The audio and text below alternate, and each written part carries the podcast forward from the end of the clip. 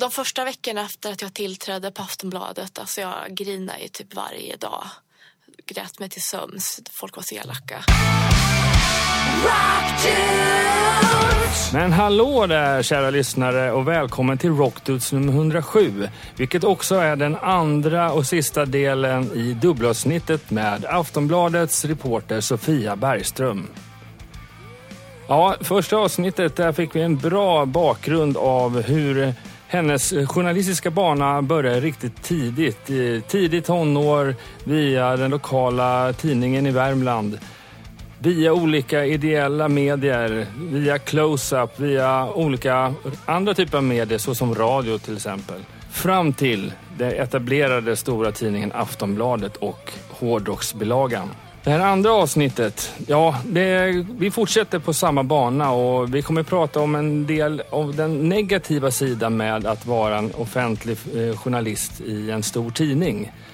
Eh, och hur tacklar man det? Ja, det kommer hon berätta vidare här inom kort. Vi kommer också prata såklart mer om hur det är att jobba på konserter och festivaler. Och sen kommer vi djupdyka ännu mer i hennes genrer såsom dödsmetall, black metal och extreme metal. Som ni hör, det blir ett riktigt intressant avsnitt för både musikälskare och för er som även har en journalistisk dröm. Ja, som sagt, ni kan ju hitta oss Rockdudes på sociala medier som Facebook och Instagram. Och nu även kan ni stötta oss via Patreon. Där kan ni antingen ge oss en engångsgåva eller signa upp för månadsbetalning. Ja, vi vill tacka oerhört mycket för de bidrag vi får in den vägen. Och hur ni hittar oss? Ja, antingen på sociala medier eller Patreon så söker ni bara på Rockdudes-podden. Nej, nog snackat från mitt håll. Nu går vi rakt över till den andra och sista delen tillsammans med Sofia Bergström. Du var ju med och drev, om jag förstått det rätt, den här Kill the King-kampanjen. Nej, Eller- drev gjorde jag inte, Men men, jag med? stöttade Ja, den. ja. Mm. Ehm, det var ju några andra personer som drog igång det.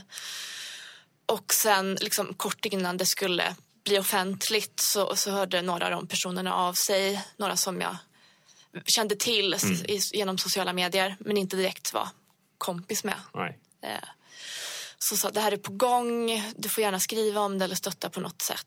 Och då kände jag det är klart jag ska göra Mm. det. Jag står bakom er. Ehm, och sen så några av dem i den, den Kill the King-gruppen har blivit väldigt nära vänner. har jag- eh, Eller ser jag som nära vänner idag. Ehm, och jag vet inte riktigt vad, så här, vad Kill the King har resulterat i idag. Eller liksom, det är klart att det är ett ringa på vattnet men för min del har jag noterat ett väldigt starkt så här, systerskap Ja. bakom kulisserna som behövs. Man Och det är väl behöver- så som hela metoo-rörelsen i stort Ja. har varit. Eh, är man själv så, så klarar man... Eller, jag behöver liksom ett, några stöttepelare runt mig. Och annars...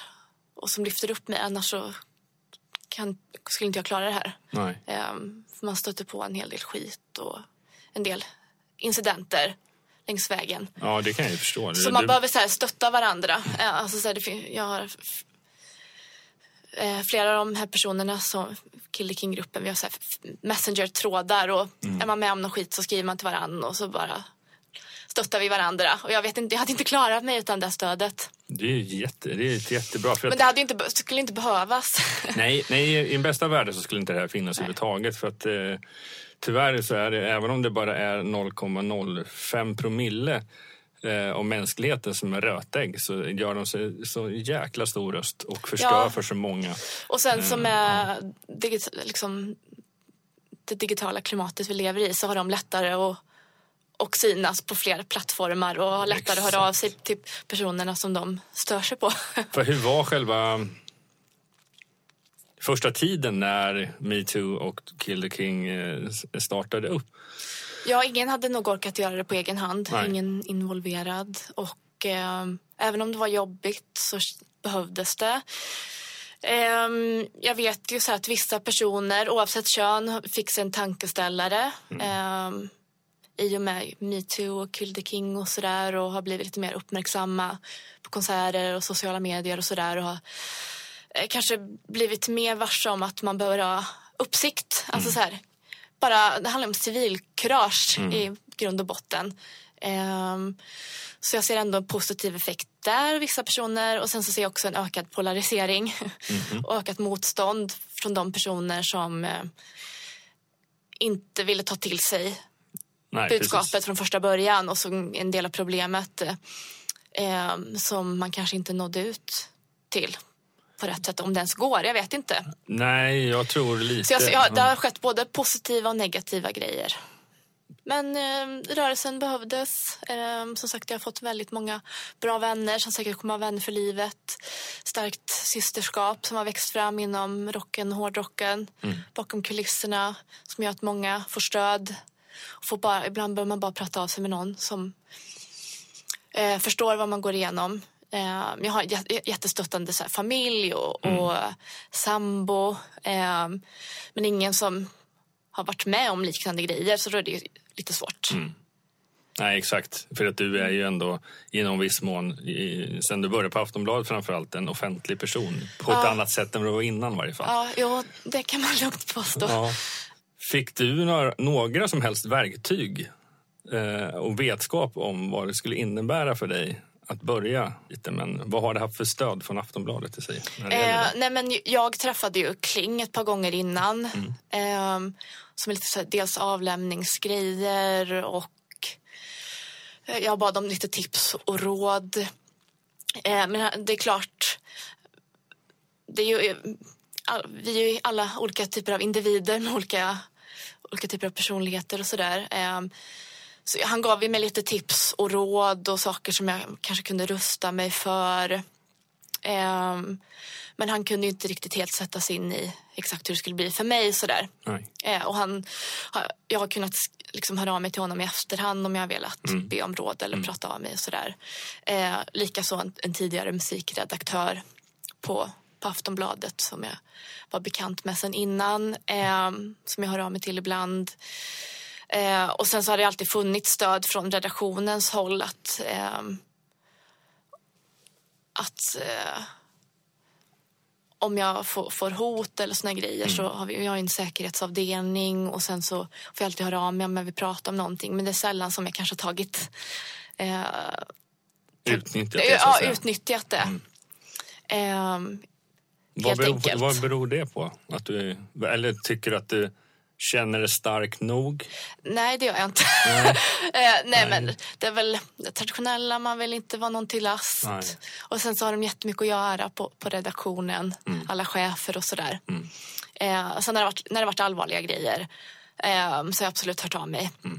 När det har varit jättejobbigt efter jag har sågat något band eller sådär. Eh, och jag, då måste jag vila från sociala medier ett par dagar. Annars går jag under. Folk Gör du, det, eller, gör du det medvetet redan när du... Du vet ju själv om du har sågat någon. Ja, då, då, då kollar jag inte på mejlen dagen efter för att bli så ledsen. Ja. För vilken, vad, vad snackar vi om för mängd? Hat, så att säga. Eh, det har blivit allt mindre i min mail, men jag ser mer i sociala medier. Alltså så här, folk som tror att, att inte jag ser. Men jag är en del av alla typer av hårdrockssammanhang ändå. Ja. Jag, jag ser er. eh, nej men, eh, inledningsvis så eh, blev jag bombarderad i mejlen. Kan inte komma ihåg antalet och sådär. En del, ibland, i början sparade, jag- sparade, jag, sparade jag dem. Jag tänkte att det kanske kommer till användning. Sådär. Nu bara raderar jag skiten så jag slipper se det. Ehm, Ser du redan i rubriken eller inledningen på vad det är för typ av mejl? För ibland, jag antar att du får I en del kärlek också. jag, jag får jättemycket kärlek. Ja. Mest kärlek. Jag kan komma till det snart. det behöver inte bara vara negativt. Nej. Men, nej, men i eh, ämnesraden så brukar det stå namnet på recensionen. Om man trycker så på mejla ikonen i mina artiklar så, så blir det att ämnesraden blir Ja, recensionen. Och så kanske jag ser mejlen. Oh, oh, oh. då, då tittar inte jag på den på ett, först jag känner mig lite starkare. Där liksom. men eh, alltså de första veckorna efter att jag tillträdde på Aftonbladet, alltså jag grinade ju typ varje dag. Grät mig till sömns, folk var så elaka. Eh, alltså de som mejlade till mig. Hade, de ens, hade du ens gjort så mycket jobb under den veckan? Nej, och sen så någon månad efter så var det hela Kill the King-grejen, skrev en krönika, det tog hus i helvete. Ah! Vilken start Ja, egentligen. gud vilken start. Ehm, Och ja, det blev inte mycket sömn. Eh, och sen, jag tycker det blev gått lättare och lättare. För jag känner att jag blir starkare och starkare för varje dag. Jag försöker öva på att inte bry mig vad folk tycker om mig. Men det, Det är mycket lättare. Och lättare är, sagt än gjort, ja. ja. Ja, och dessutom är ju dagshumöret är man beroende av det också. Ja, liksom. nej men det är klart, man vill ju bli omtyckt av alla. Eller bli- vill jag i alla fall. Eh, och jag är en jättekonflikträdd person. Har nästan aldrig bråkat med någon i hela mitt liv. Jag vill bara att alla ska vara glada och trevliga och artiga. Mm. Och snacka musik. Och snacka musik och bara respektera varandras åsikter. Exakt, för det är väl det det handlar om egentligen. Ja, för vi, vi har olika upplevelser och, och, och ba- bakgrunder så vi kan inte tycka lika. Det blir jättetråkigt om alla skulle göra det. Ja, ja, men, man ska ju kunna... tittar man på medianen på en publik, du kommer hitta de som ger ett och ger fem Ja, på samma konsert. precis. Så det är ju helt beroende på vad Ja. man kommer med för mindset och inställning. Ja. Men eh, de senaste... Eh, sen jag började så har det kommit allt mindre hat direkt till mig i min mail och sådär. Och så har det bli- blivit mer i stängda Facebookgrupper som jag har varit med i men som har gått ur. När jag bara medlem i någon merchgrupp bara för att hålla koll på tishor och skivor och sådär. Mm. Men annars har jag fått gått ur, gått ur allt hårdrocksrelaterat. Ja, annars så... Och tagit bort svårt- Facebook på min mobil och sådär. Ja, ja men det är... Det behöver väl inte nödvändigtvis vara någonting ont. Nej, men, det är rätt så skönt. Ja, men det är, det är inte av det skälet. Det är Nej. inte acceptabelt egentligen. Eh, Men sen majoriteten av de som hör av sig, det, de ger kärlek. Jo, för det, det, det är inte helt... Det är jätteviktigt att prata om det i den här kontexten. För att jag menar, det är som oftast, nu vet inte jag hur det är för ditt fall, för du får ju så pass mycket hat också. Men det är ju säkerligen, det är fortfarande ofta så här 90-10, 90 procent kärlek, 10 Ja, nej, men på ett hat. ungefär. Eh, Men det är hatet som biter så sjukt hårt. Ja.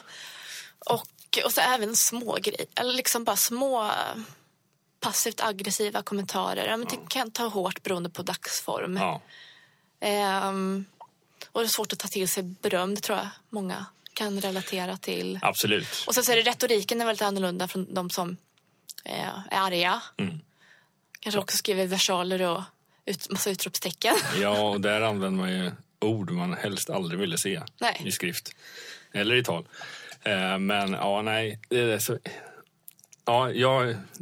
När man ger sig in i sådana här diskussioner oftast i, kanske i grupp eller så, det är alltid som kille är alltid svårt. Man kan egentligen bara försöka säga någonting bra och lyssna mycket liksom, på vad ni har att säga. Men det, ser, det blir så lätt polariserat. Jag tänker så här att nyckeln där är att lyssna in sig och, eh, eh, och tillit. Nej, men så här, att man ska tro och stå bakom den personen och inte ifrå, liksom, Ifrågasätta Nej, deras upplevelse. Bara liksom. för, och jag har ju liksom så här, kvinnliga hårdrockare i mitt nätverk som inte har varit, varit med om eh, tafsande eller någon sexism som de kan komma på. Men de tror ju fortfarande på oss som har varit med om saker. Exakt. Jag har inte sett gängvåld eller liksom eh, med egna ögon men jag tror fortfarande på att det finns även om jag inte varit med om det. Nej. Och, och det har ju folk väldigt mycket lättare att acceptera. Ja, det- Men just det där på att ni tjejer råkar ut för saker som är helt uh, insane liksom. Det, Och ibland så bara små saker, alltså bara bygger man på det på allt annat så är det, det är inte shit the same. nej, det är verkligen inte. Så, um, men um, Men, men kontentan med Kill the King och metoo känns det lite som att ni har... Alltså, ni behöver inte känna er så ensamma längre. Eh, Nej. eh, Det finns ju säkert massa grupperingar.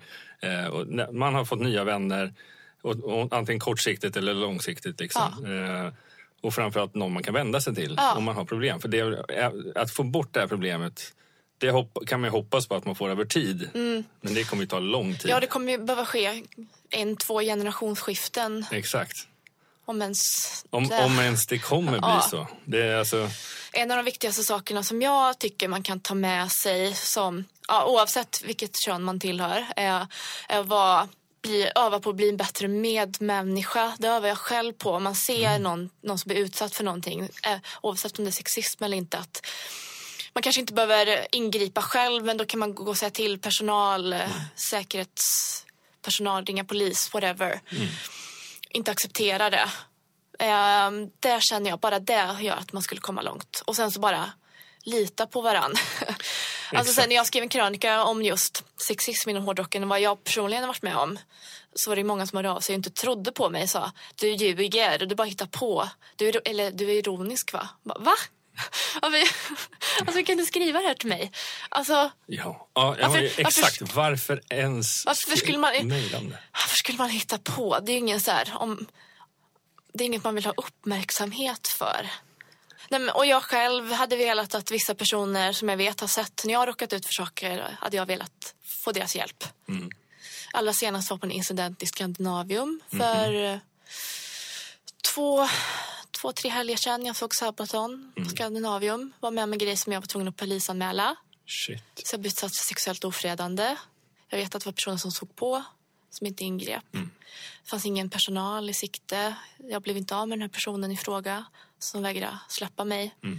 Till slut gick han självmant eh, och då kunde jag lyckligtvis börja Smita, jobba igen. Ja, just det. Um, det så... Dessutom på sin arbetstid. Eh, ja. Uh, ja, det är inte bra när som helst men ja. Ja, men det, det ska bli lite mer säkerhetsåtgärder åt det här så det kommer nog leda till något bra ändå. Mm. Men uh, ja, man kan vara lite mer uppmärksam tycker jag även på konserter och festivaler. Och, så att alla kan känna sig trygga. För ja. det finns personer som inte är lika trygga.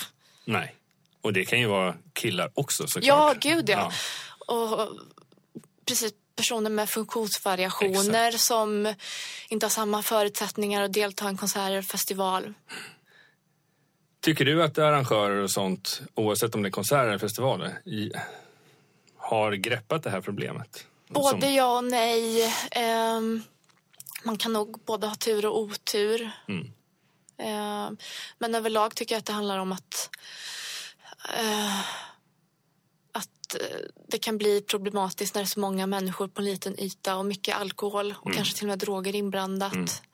Mm. Ehm, och att det är en personal och säkerhetsfråga såklart. Jag tycker att så här, Sweden Rock gör det liksom rätt så bra ifrån sig på den här aspe mm. aspekten. Jag tycker ingen festival är perfekt om man någonsin kan bli det. Hux flux kommer det här rötägget som är superfull och tar sig sina friheter oavsett hur festivalen har försökt förebygga Exakt. det. Och som, som, som besökare så kan man ha tur och man kan ha otur. Men och sen så tycker jag det handlar om att man ska ehm, våga anmäla och även, oavsett om man är vittne till någonting eller mm. utsatt eller sådär.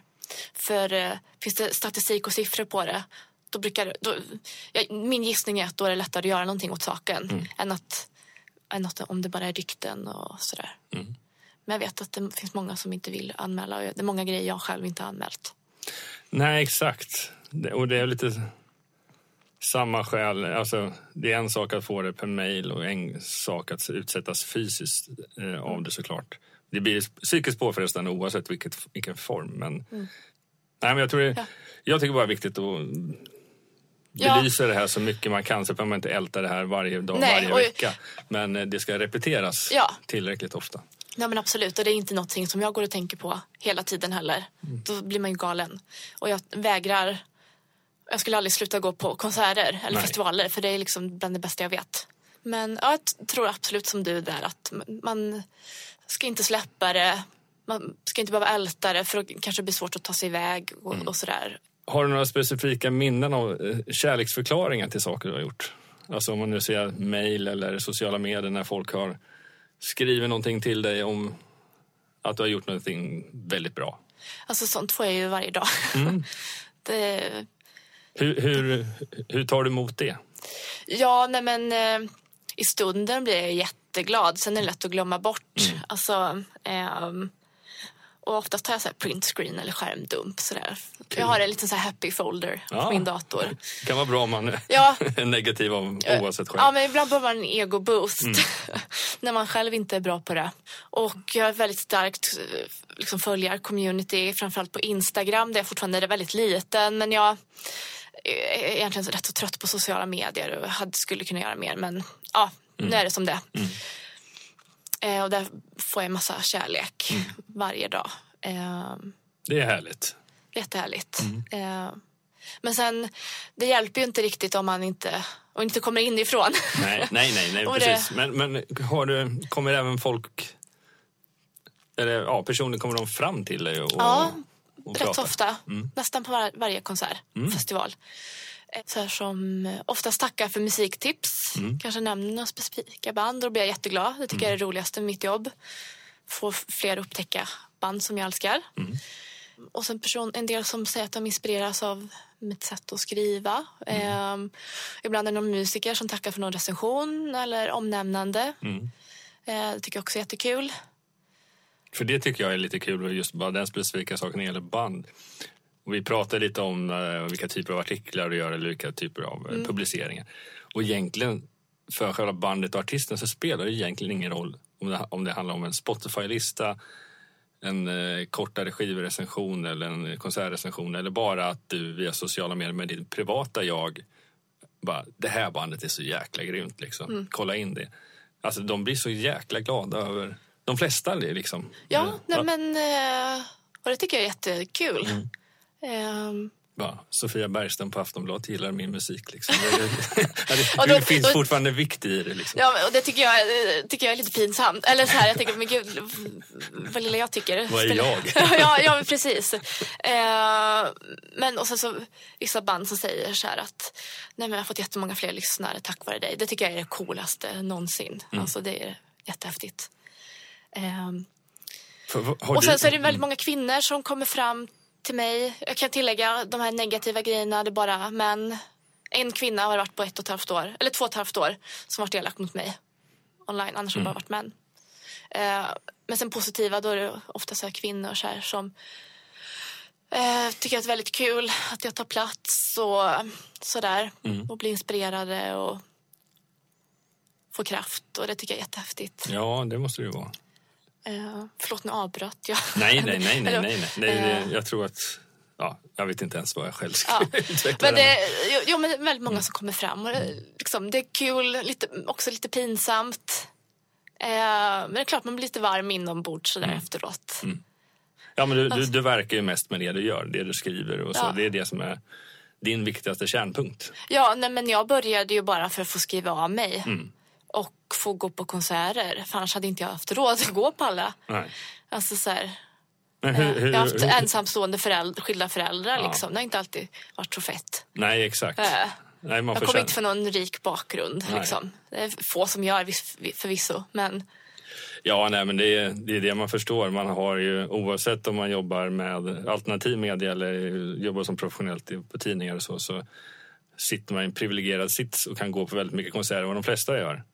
Och, eh, och framförallt kommer du till en insikt de senaste åren så kanske jag... Jag går inte närmare så mycket som jag gjorde för nio år sedan. Då gick man på en 60-70 konserter per år. Mm. Så säger man ändå att man, ja, men jag går bara på 10 konserter per år nu. Men det är kanske mer än fem gånger så mycket än vad den generella personen gör. Så att när man diskuterar med, framförallt med mina vänner som inte har någonting med musik att göra, de bara tycker att du går ju på konserter hela tiden. Men ja, men det gör jag inte riktigt. Nej. Nej, men jämfört med mig så är det ju så. Ja, det har du rätt i. Liksom. så man är lite privilegierad så. Men hur har din, under de här åren du har jobbat mer eller mindre professionellt, har din syn på, på konserter blivit annorlunda i och med att du jobbar med det också? Det Kan blir du- ju nu att jag går på mer arenaspelningar än vad jag gjorde innan. Jag gick på många ändå innan men nu går jag också på sådana som jag kanske inte hade betalat för att se. Mm. Om jag hade varit tvungen att, prioritera. Ehm, och jag uppskattar små klubbspelningar allt mer. Dels är det för att jag kan vara ledig Mm. och slippa prestera och bara njuta. Ehm, Och det kan du göra. Det var lite det som... Ja, ja nej men, eh, till stor del. Ibland man är lite arbetsskadad. Mm. Ofta så börjar jag så analysera och inte hitta fel. Men jag är väldigt uppmärksam på om när någon gör fel på scen. Så här, Oj, nu var det där i otakt eller slant de på för strängen. det skulle kunna vara någonting du skulle kunna skrivit Ja, precis. om. Liksom. Och inte så, så att jag letar fel. Men det Nej. är bara att jag spänner ut öronen och är hyperfokuserad som jag måste vara på en konsert. Och sen så, ah, ibland kan jag stänga av det helt och ibland inte. Men jag gillar ju, man kommer väldigt nära banden. Jag gillar så här mindre band som är väldigt hungriga på scen, som inte har tappat glöden och gnistan och inte gör saker på rutin, eller det är klart man kan göra på rutin, Mm. men som är jävligt hungriga på scen, vill ge en show med valuta för pengarna, man kommer nära, man ser ansiktsuttryck. eh, ehm, det blir mer spontana grejer, det kanske händer missar som kan bli roliga, sånt Mm. Ja. tycker jag är kul. Eh, men sen så är det vissa av de här arenabanden, de kör samma show år ut och år in. Det tycker jag är rätt så tråkigt. Ja, ja. Jo, Jag, Många jag gillar att så. överraskad. ja, exakt. Och det skulle ju de verkligen kunna göra, kunde man tycka. Om inte allting bara går på fullständig repeat. Ja, men lite mer spontanitet kan man väl ändå få till på arenaspelningar. Vi har ju pratat väldigt mycket om själva journalistikgrejen. Mm. Och vi börjar lite med var din musikintresse började och vilka, att det var Kiss och Halloween. Mm. Ju äldre du blev, ju mörkare blev din musik, din primära musiksmak. Ja, När, vad- vilket var, för det är framförallt inom Death och Black ja, eh, men, scenen ska man säga va? ja nej, men eh, det är väl extrem metal jag främst lyssnar på. Mm. är min eh, alltså så här, go-to-musik. Ehm, och eh, det är väl många olika typer av, av former. Ehm, det har blivit allt mer black och framförallt... Alltså jag gillar black med lite så thrash eller death-influencer. Eller black and death. Ehm, men det var ju... Alltså under tonåren var det mycket nu metal och jättemycket prog metal. Dream Theater var ju så familjebandet hemma. Det är, det är fasen coolt att ett sånt band, som är, det är väldigt specifikt Ja, det är ju ett av min pappas favoritband och se- sen blev det också ett av mina och min brors favoritband. Eh, Nu tycker jag att de har gjort jäkligt mycket skit också. Eh, Högt eller lågt. Ehm, och på den vägen upptäckte jag Opeth. Eh, men då klarade jag fortfarande inte av growl-sång så då lyssnade jag, liksom spolade jag förbi när Mikael Åkerfeldt growlade och nu är det tvärtom. Nu, jag gillar mest när han growlar. Precis, det, det growlandet eh, gör han inte lika mycket längre Nej. på nytt material. Nej, det gör ni bara när, på konsert. Mm. Eh, helt enkelt. Eh, så han inte growlat på platta på över tio år. Nej, exakt. Men, och allt eftersom så har vi bara så här, toleransnivån bara höjts och man vill ha något mer aggressivare och tyngre. Har du förstått själv på vad... Nu är det, alltså för den, alltså jag är lite halvt oinvigd i, i hela den där scenen. Det är klart, det finns vissa band som jag lyssnar på så. Men eh, jag har fortfarande svårt att anamma hela genren. Så jag har väl inte riktigt... Det finns ju olika typer av growl, den saken är helt säker. Ja, Eh, Men vad... Kan du beskriva vad eh, black metal är för dig? För mig, ehm, det har inte bara med blast beats och corpse paint att göra. Det är väl liksom en attityd och en estetik som jag gillar väldigt mycket, även om det kanske inte syns Nej. på mig. Ehm, Alltså så här, jag gillar väldigt så här, melankolisk och misantropisk musik. Varför vet jag inte. Det är kanske bara en psykolog som kan besvara den frågan helt. Ehm, och ja, men den bara talar till mig, talar till mm, själen. Ehm, och nej men, eh, jag tycker framförallt black metal är väldigt mycket utlopp för allt man tycker är förjävligt här i världen, vilket är en hel del. Ehm, och, eh, och jag tycker också att den subgenren har blivit allt bättre och rikare ju mer yttre influenser som har bakats in.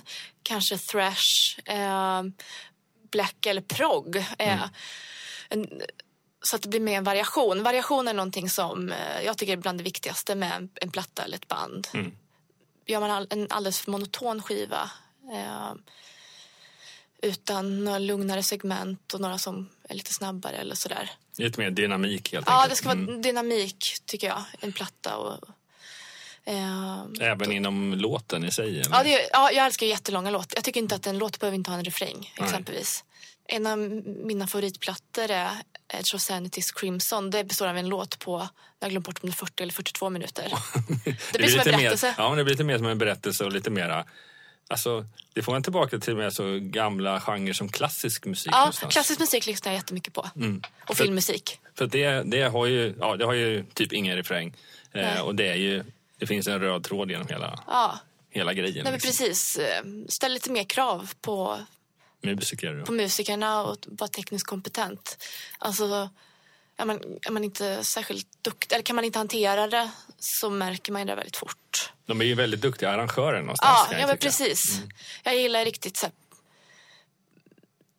komplexa arrangemang, låtar som förändras. Gärna ett långt intro, långt outro. Så händer det massa sinsemellan. Mm. Eller däremellan. Mm. Um, men så jag tycker så här, ju, ju mindre restrik, restriktiva genrerna blir, man kan hitta yttre influenser, även från otippade håll, desto mer spännande musik mm. är det idag. För det, vi har redan de här pionjärsbanden, första vågorna av olika typer av, av de olika genrerna som redan har gjort det där. Ja, exakt. Så, och just black-scenen är väl ändå lite... Den är väldigt elitistisk och konservativ, kan man lugnt påstå. Ja, det är en liten... Eh, framförallt, jag tror det var vi hade eh, Satyr med relativt okay. tidigt i podden. Ja. Och jag tror vi, lite kort, eller vi försökte väl penetrera in diskussionen just om det här med eh, skillnaden mellan första och andra generationen av norsk black metal. Ja. Och det gick ju inte riktigt hem i huvudtaget att diskutera sådana former, vilket var... Men det vill bara ja. säga som det är. Ja. Men, säg vad du tycker. Bara, nej, det, det, var, det var, ja. Till och med det var svårt liksom. Så det känns som att man kan tycka att hårdrockare gement är konservativa, men där är ju superkonservativt någonstans. Ja, och så finns det ju undantag och det är kanske mer av den gamla staben. Nya black metal-band kanske inte alls är samma sak, jag vet inte. Och så finns det lite, lite olika typer av ehm, black metal-falanger beroende på var i världen man befinner sig i. Nu ser jag en punk black metal-renässans i Nordamerika med några band som jag är jätteförälskad i. I Kina blir black metal allt mer populärt. Eller populärt är ett fel ordval. Men ja, man stöter på fler band därifrån helt enkelt eh, som eh, fortfarande inne mer på, alltså så här, har mer dödsmetall, klassisk dödsmetall i ryggen och mm. nu kör death metal och sådär. Eh, och så finns det i Tyskland tycker jag kommer mycket thrashig black metal. Eh, så det tycker jag är jättespännande. Det är en del som bara säkert skulle spy när de hör mig säga det här. eh, men ehm, men dels jag gillar estetiken i Corpse Paint eh, och eh, alltså så här, många har ju, om det inte är liksom förkastande av religion eller liksom politiska strukturer så det, upplever jag att det finns väldigt mycket naturromantiska texter. Mm. Väldigt mycket poe jag tycker väldigt mycket poesi inom black metal. Eh, det gillar jag. Mm. Um, och sen så väldigt mycket, alltså det handlar ju om att vara självständig och stå upp för sig själv och våga sticka ut. Och det känner jag att det blir jag väldigt stärkt av. Mm. Och sen så det rent musikaliska när det är lite smutsigt och jag har, jag har svårt. Jag föredrar growlsång framför rensång och sådär. Just det. eh, nu finns det ju, growlsång är liksom väldigt grovt förenklat. Det finns ju många olika typer av stilar. Mm.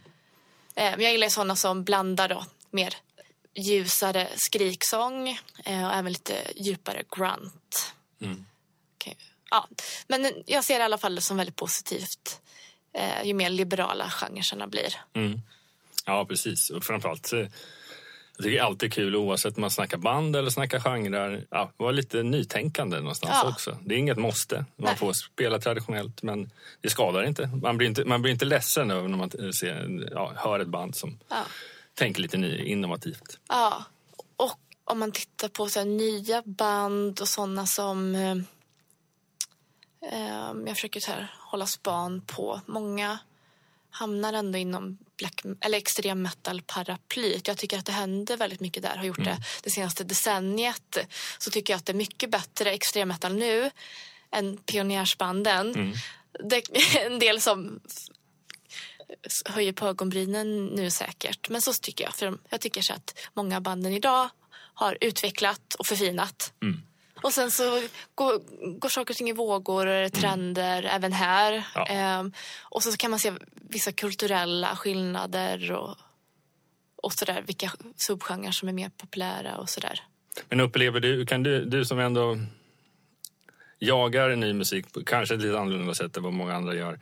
Ehm, när man ser just i trender. För det jag kan tycka på när man ser nya eller gamla band, det är oavsett, är att när de väl startar så spelar de helst musik som de bottnar i, alltså som de gillar. Eh, eller som de vill spela i varje fall. Eh, tänker ni kanske inte alltid så mycket på trender? Eh, eller har du en annan upplevelse? Av... Nej, alltså som musikskapare så tycker jag man ska skita i det. Ja, jo men det vill man ju helst.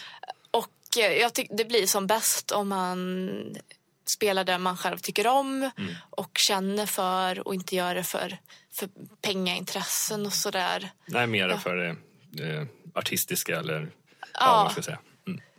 Precis. Du namedroppar inte så mycket dock, band. Eh, eh, men vad, alltså mer än att du sa Opeth och, och så liksom som inledande band. Vad är det för andra stora band för dig? Det behöver inte vara kommersiellt stora band, men vad är det som har följt dig länge också? Bortsett från um, Åkerfält och... Um, dels, alltså så här, Korn och Slipknot kommer alltid ha en speciell plats i mitt hjärta. Um, jag började lyssna på, på dem som 11-12-åring. Mm.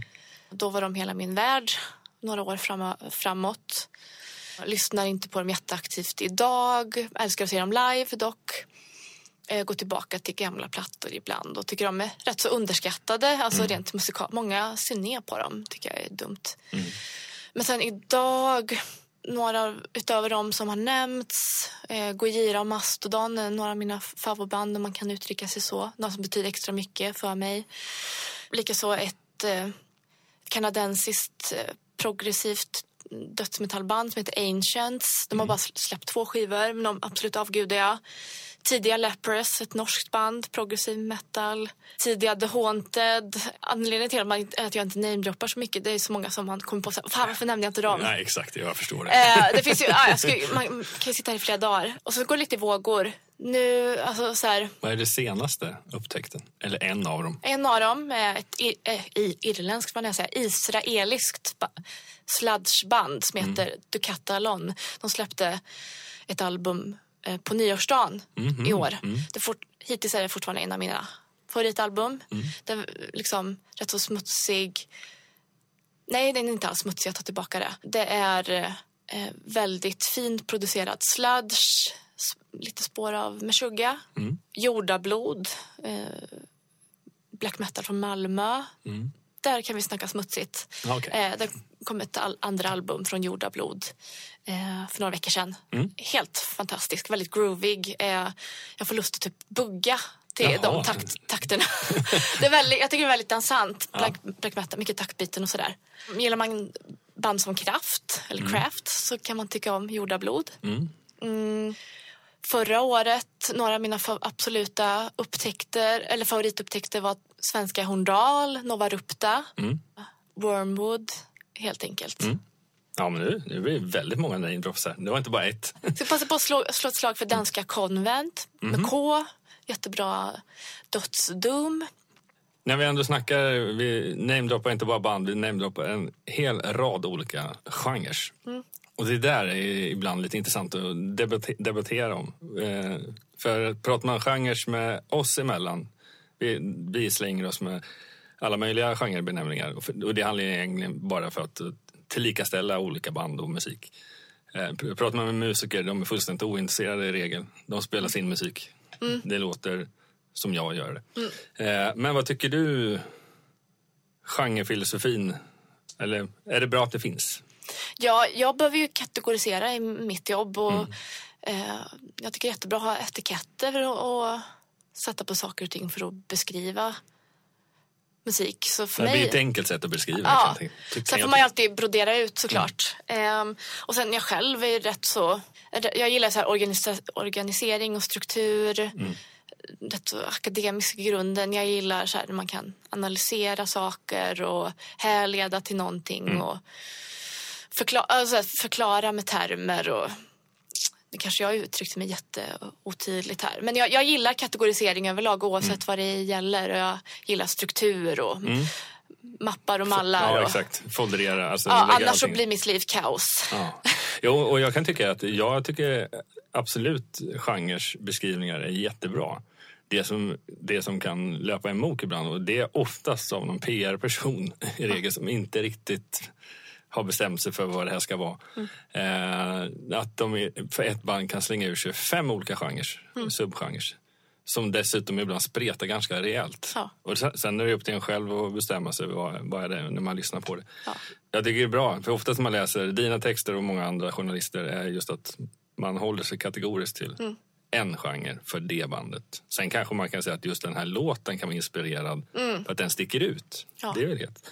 Men just när man benämner bandet så tillhör det den kategorin. Ja, och sen så när jag gör spellistor eller krönik, alltså då är det bra som liksom vägledning och ur konsumentperspektivet Exakt. sådär. Alltså gillar du doom eller döds eller stoner eller Mm. grindcore, då kan du säkert gilla det här bandet också. Mm. Och så kanske de, in, ja de kanske har andra influenser också. Ja, exakt. Jag tycker det är bra vägledning. Och så bör man inte bli för svart på Svart och vitt. vit. Nej, nej. exakt. Nej, nej. Sen kan ju du tycka att det låter så. Och framförallt när det finns så ganska tajta Ja. subgenrer som egentligen hookar i varandra någonstans. Liksom. Då är det klart att då kan en person tycka så i och en annan så. Liksom. Mm. Vi har snuddat lite vid det innan egentligen. Och man kan alltid prata med band om vad de drömmer om. Vad som ska hända de närmsta fem åren. Och vi har ju varit inne och snuddat lite vid det. Men vad tror du att du jobbar med om fem år? Får jag Eller jobba på- med om fem år? Då hoppas jag att jag har ett hårdrocksimperium. Medialt hårdrocksimperium. Har du startat en ny tidning? Alltså, eller ett nytt media? Kanske en kombination Mm. av lite olika. Nej, men eh, min dröm är ju att kunna skriva eller bevaka musik och just rock, hårdrock och extrem metal. Eh, kunna göra på heltid. Mm. Eh, kanske orealistiskt, men det är min dröm och mitt mål. Det kommer nog bli tufft. Har du någon plan för hur det, hur det ska gå Kanske. till? Mm. Nej, du får inte nämna det. Men Nej, ja, det, är kanske. viktigt, det är viktigt. Nej, men eh, jag tycker så här, det finns mycket mer att göra i musikbevakningen. Bara liksom om man tittar på den svenska marknaden och utbudet. Vi har ju sådana fantastiska musiker här, både inom rock och klassisk hårdrock och extrem metal. Många gamla rävar kvar och många spännande up and coming, så lite mittemellan. Eh, och sen så när man tittar internationellt, herregud. Ja, då, får, då, ja, precis. Klumpar man ihop hela internationella marknaden. För någonstans, även om- om vi svenska medier ofta... eh, Klart, konsertrecensionsmässigt där det spelar ingen roll vilken nationalitet bandet har. Nej. Men annars är det väldigt mycket att vi vill stötta vår, vår lokala marknad med Ja. våra lokala produkter. Mm. Eh, så är det Eh, Men det är, varför inte koka ihop det där i något Ja. snyggt? Nej, men så jag tycker fortfarande så här att beroende på vilka genrer eller subgenrer man talar om så oftast ligger svenska eller skandinaviska band fortfarande i framkant. Mm. Eh, som vi gjort rent historiskt också. Jag tycker ändå vi har kvar den maktpositionen. Och sen så dyker det upp många spännande band från Mellanöstern eller asiatiska. Ja, för den, den delen. Det, det kan ju vara massor med band som har funnits där länge. Att Mm. vi ser inte de marknaderna. Och de kommer aldrig ut därifrån kanske Nej, precis. Nej, men det har ju varit dödsmetallrevolution, revolution är kanske ett starkt ord, men vågor i vissa västafrikanska länder redan på 90-talet liksom. Mm. Och som man kanske kan börja nysta, som jag har försökt börja nysta i nu. Jag försöker bara frossa i så, så mycket det bara går. Men eh, Tycker du det är lätt att hitta Både den ja. typen? både ja och nej. Mm. Ofta sitter jag av en slump genom Sitter du aktivt och söker på Afrika och dödsmetall eller? Ja, eller särskilt subgenre Mm. och något land och så försöker jag hitta något produktion, produktionsbolag eller sådär. Och se vad de har för fler artister eller Ja. band. Ja, men det Ja, men ibland så gör jag såna typ kartläggningar och, och, och lägger in på så här att spana in listor på typ Spotify och sådär. Och... Hur mycket... Jag borde ha ställt den här mycket tidigare, men hur mycket tid lägger du på saker som egentligen inte leder till någonting? Om du förstår vad jag menar. Alltså researchmässigt, alltså mycket av det här bevakningen som du gör, det gör ju säkert du väldigt mycket för ditt eget Ja, intresse också. Majoriteten. Ja. Alltså... Nej, men det är väl... Ända sedan jag var liten så har hela livet kretsat kring musik och hårdrock. Fin- eh, har- Är det någonting annat förutom musik som du hinner pyssla med? Om man nu ser på årsbasis i alla fall, eller månadsbasis. Nej, jag har ju engagerat mig lite i så här, ideellt vad gäller psykisk ohälsa. Mm. Perioder har jag ju så här, spelat någon sport och sådär eller tränat mycket och så. Eh, men det är väl nästan Sen så älskar jag ju så här dokumentär, alltså jag tittar på väldigt mycket serier och filmer och dokumentärer och sånt. Så det lägger jag mycket tid på också. Jag, jag hinner inte se eller lyssna på allt jag vill. Nej, det är... Alltså bara på... Det är klart att vissa saker har ju funnits ett tag nu. Så musik har ju funnits. Så där kan man ju sitta för kårer hur länge som, helst via Spotify eller någon annan digital plattform. Men eh, just det här med Netflix och alla andra plattformar. Det finns ju så sjukt mycket Ja. saker som är både intressant och visar sig vara ointressant. Men det, man vill ändå börja se det. Liksom. Ja. Och just musik har ju kommit lite mer även där. Om än det kan ju komma mycket mer. Ja, nej men absolut. Lite mer dokumentärer och sådana saker. Och eh, gällande just din eh, personliga tycke och smakgenre inom extreme metal. Vad, hur tycker du utbudet, både konsert och festivalmässigt, det får utrymme? Nu frågar du om utbudet. Ja, alltså finns det... Kan du gå till, på tillräckligt mycket sådana konserter? Alltså konserter vad jag förstått, det finns ju egentligen hur mycket som helst. Ja. Även bara i Stockholm. Liksom. Eh, men eh, just för bandens skull att de ska få mera utrymme. En liten klubbspelning någonstans, om man nu är relativt ny. Eh, för att tittar man på de större festivalerna både i Sverige och angränsande. Det är klart, i några festivaler ute i Europa finns det lite mer utrymme. Men, och det finns säkert nischade sådana festivaler också. Men har du varit på, eller tycker du att det finns egentligen fog för att det borde egentligen finnas fler festivaler med, för just kanske mera specifikt för den mörka scenen? Ja, det finns ju lite så här eh, höst och vårfestival och inomhusfestivaler för, inom just extrem metal som typ eh, eh, innan var det mörkaste Småland men nu har det blivit slaktmånad. Eh, Jönköping och Huskvarna Metalfest, Stockholm Slaughter och sådär. Det finns ju lite i varje fall. Ja, men det finns ju fortfarande så här jättemånga band som man får väldigt få möjligheter att se. Kanske framförallt då internationellt för de är så små och kanske inte har råd att åka över Atlanten eller Nej. sådär. Det är väl klart att det kan alltid bli mer. men det är, så, det är svårt nog att, att sälja biljetter. Ja, men det är ju det. Idag. Det är ju det. Och framförallt så blir det så att är du relativt ny arrangör Mm. Så att när du annonserar då är hela paketet klart och då kommer hela klasen av band Ja. som vill vara med. Det har man inget utrymme Nej. för för man har en begränsad tid och begränsad budget och, Ja. och allt det där. Liksom. De kan erbjuda sig att spela gratis också i och för sig men, Ja. men eh, det är ändå tiden. Och då måste man ju ha något som annonseras tillräckligt fett för att folk ska köpa de här Mm. arma-biljetterna. Nej, men för min del, alltså jag håller mig väldigt sysselsatt. Med Mm. är konserter det- och festivaler. Eh, jag skulle nog inte, kanske inte hinna Du måste ju ändå selektera tänker jag. Jo, men absolut. Det är jättemånga som jag... Ibland, alltså ibland orkar man ju bara inte. Ibland har man haft en riktigt körig vecka och Mm. då orkar man inte gå på den där spelningen på fredagen eller lördagen. Nej, exakt. Och så måste det få också. Du, Ja, måste, du, du, ibland är man sjuk och...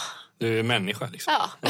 man är ingen robot, vilket man känns som att man blir till Men så här, ibland, kan, alltså, ibland kanske man hade velat ta, gå på konserter så här, fjär, på distans eller så här, men göra en så här fjärrgrej Ja. som man kan så här, ja men som Metallica har gjort så där.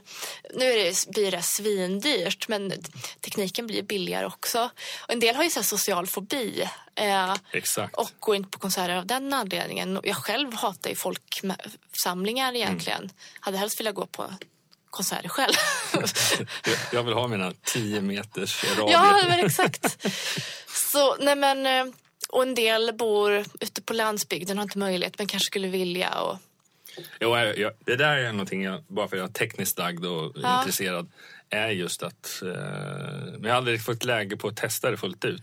Men är man då eh, antingen som band eller att man har en partner, alltså utrustningen kommer inte bli svinaktigt dyr. Nej. Plus att de här tjänsterna som du levererar ut på Youtube socia- eller andra sociala Mm. medier kostar idag inte jättemycket pengar. Framförallt inte om du lyckas göra det tillräckligt repetitivt. För det Nej. är oftast en månadskostnad man ja.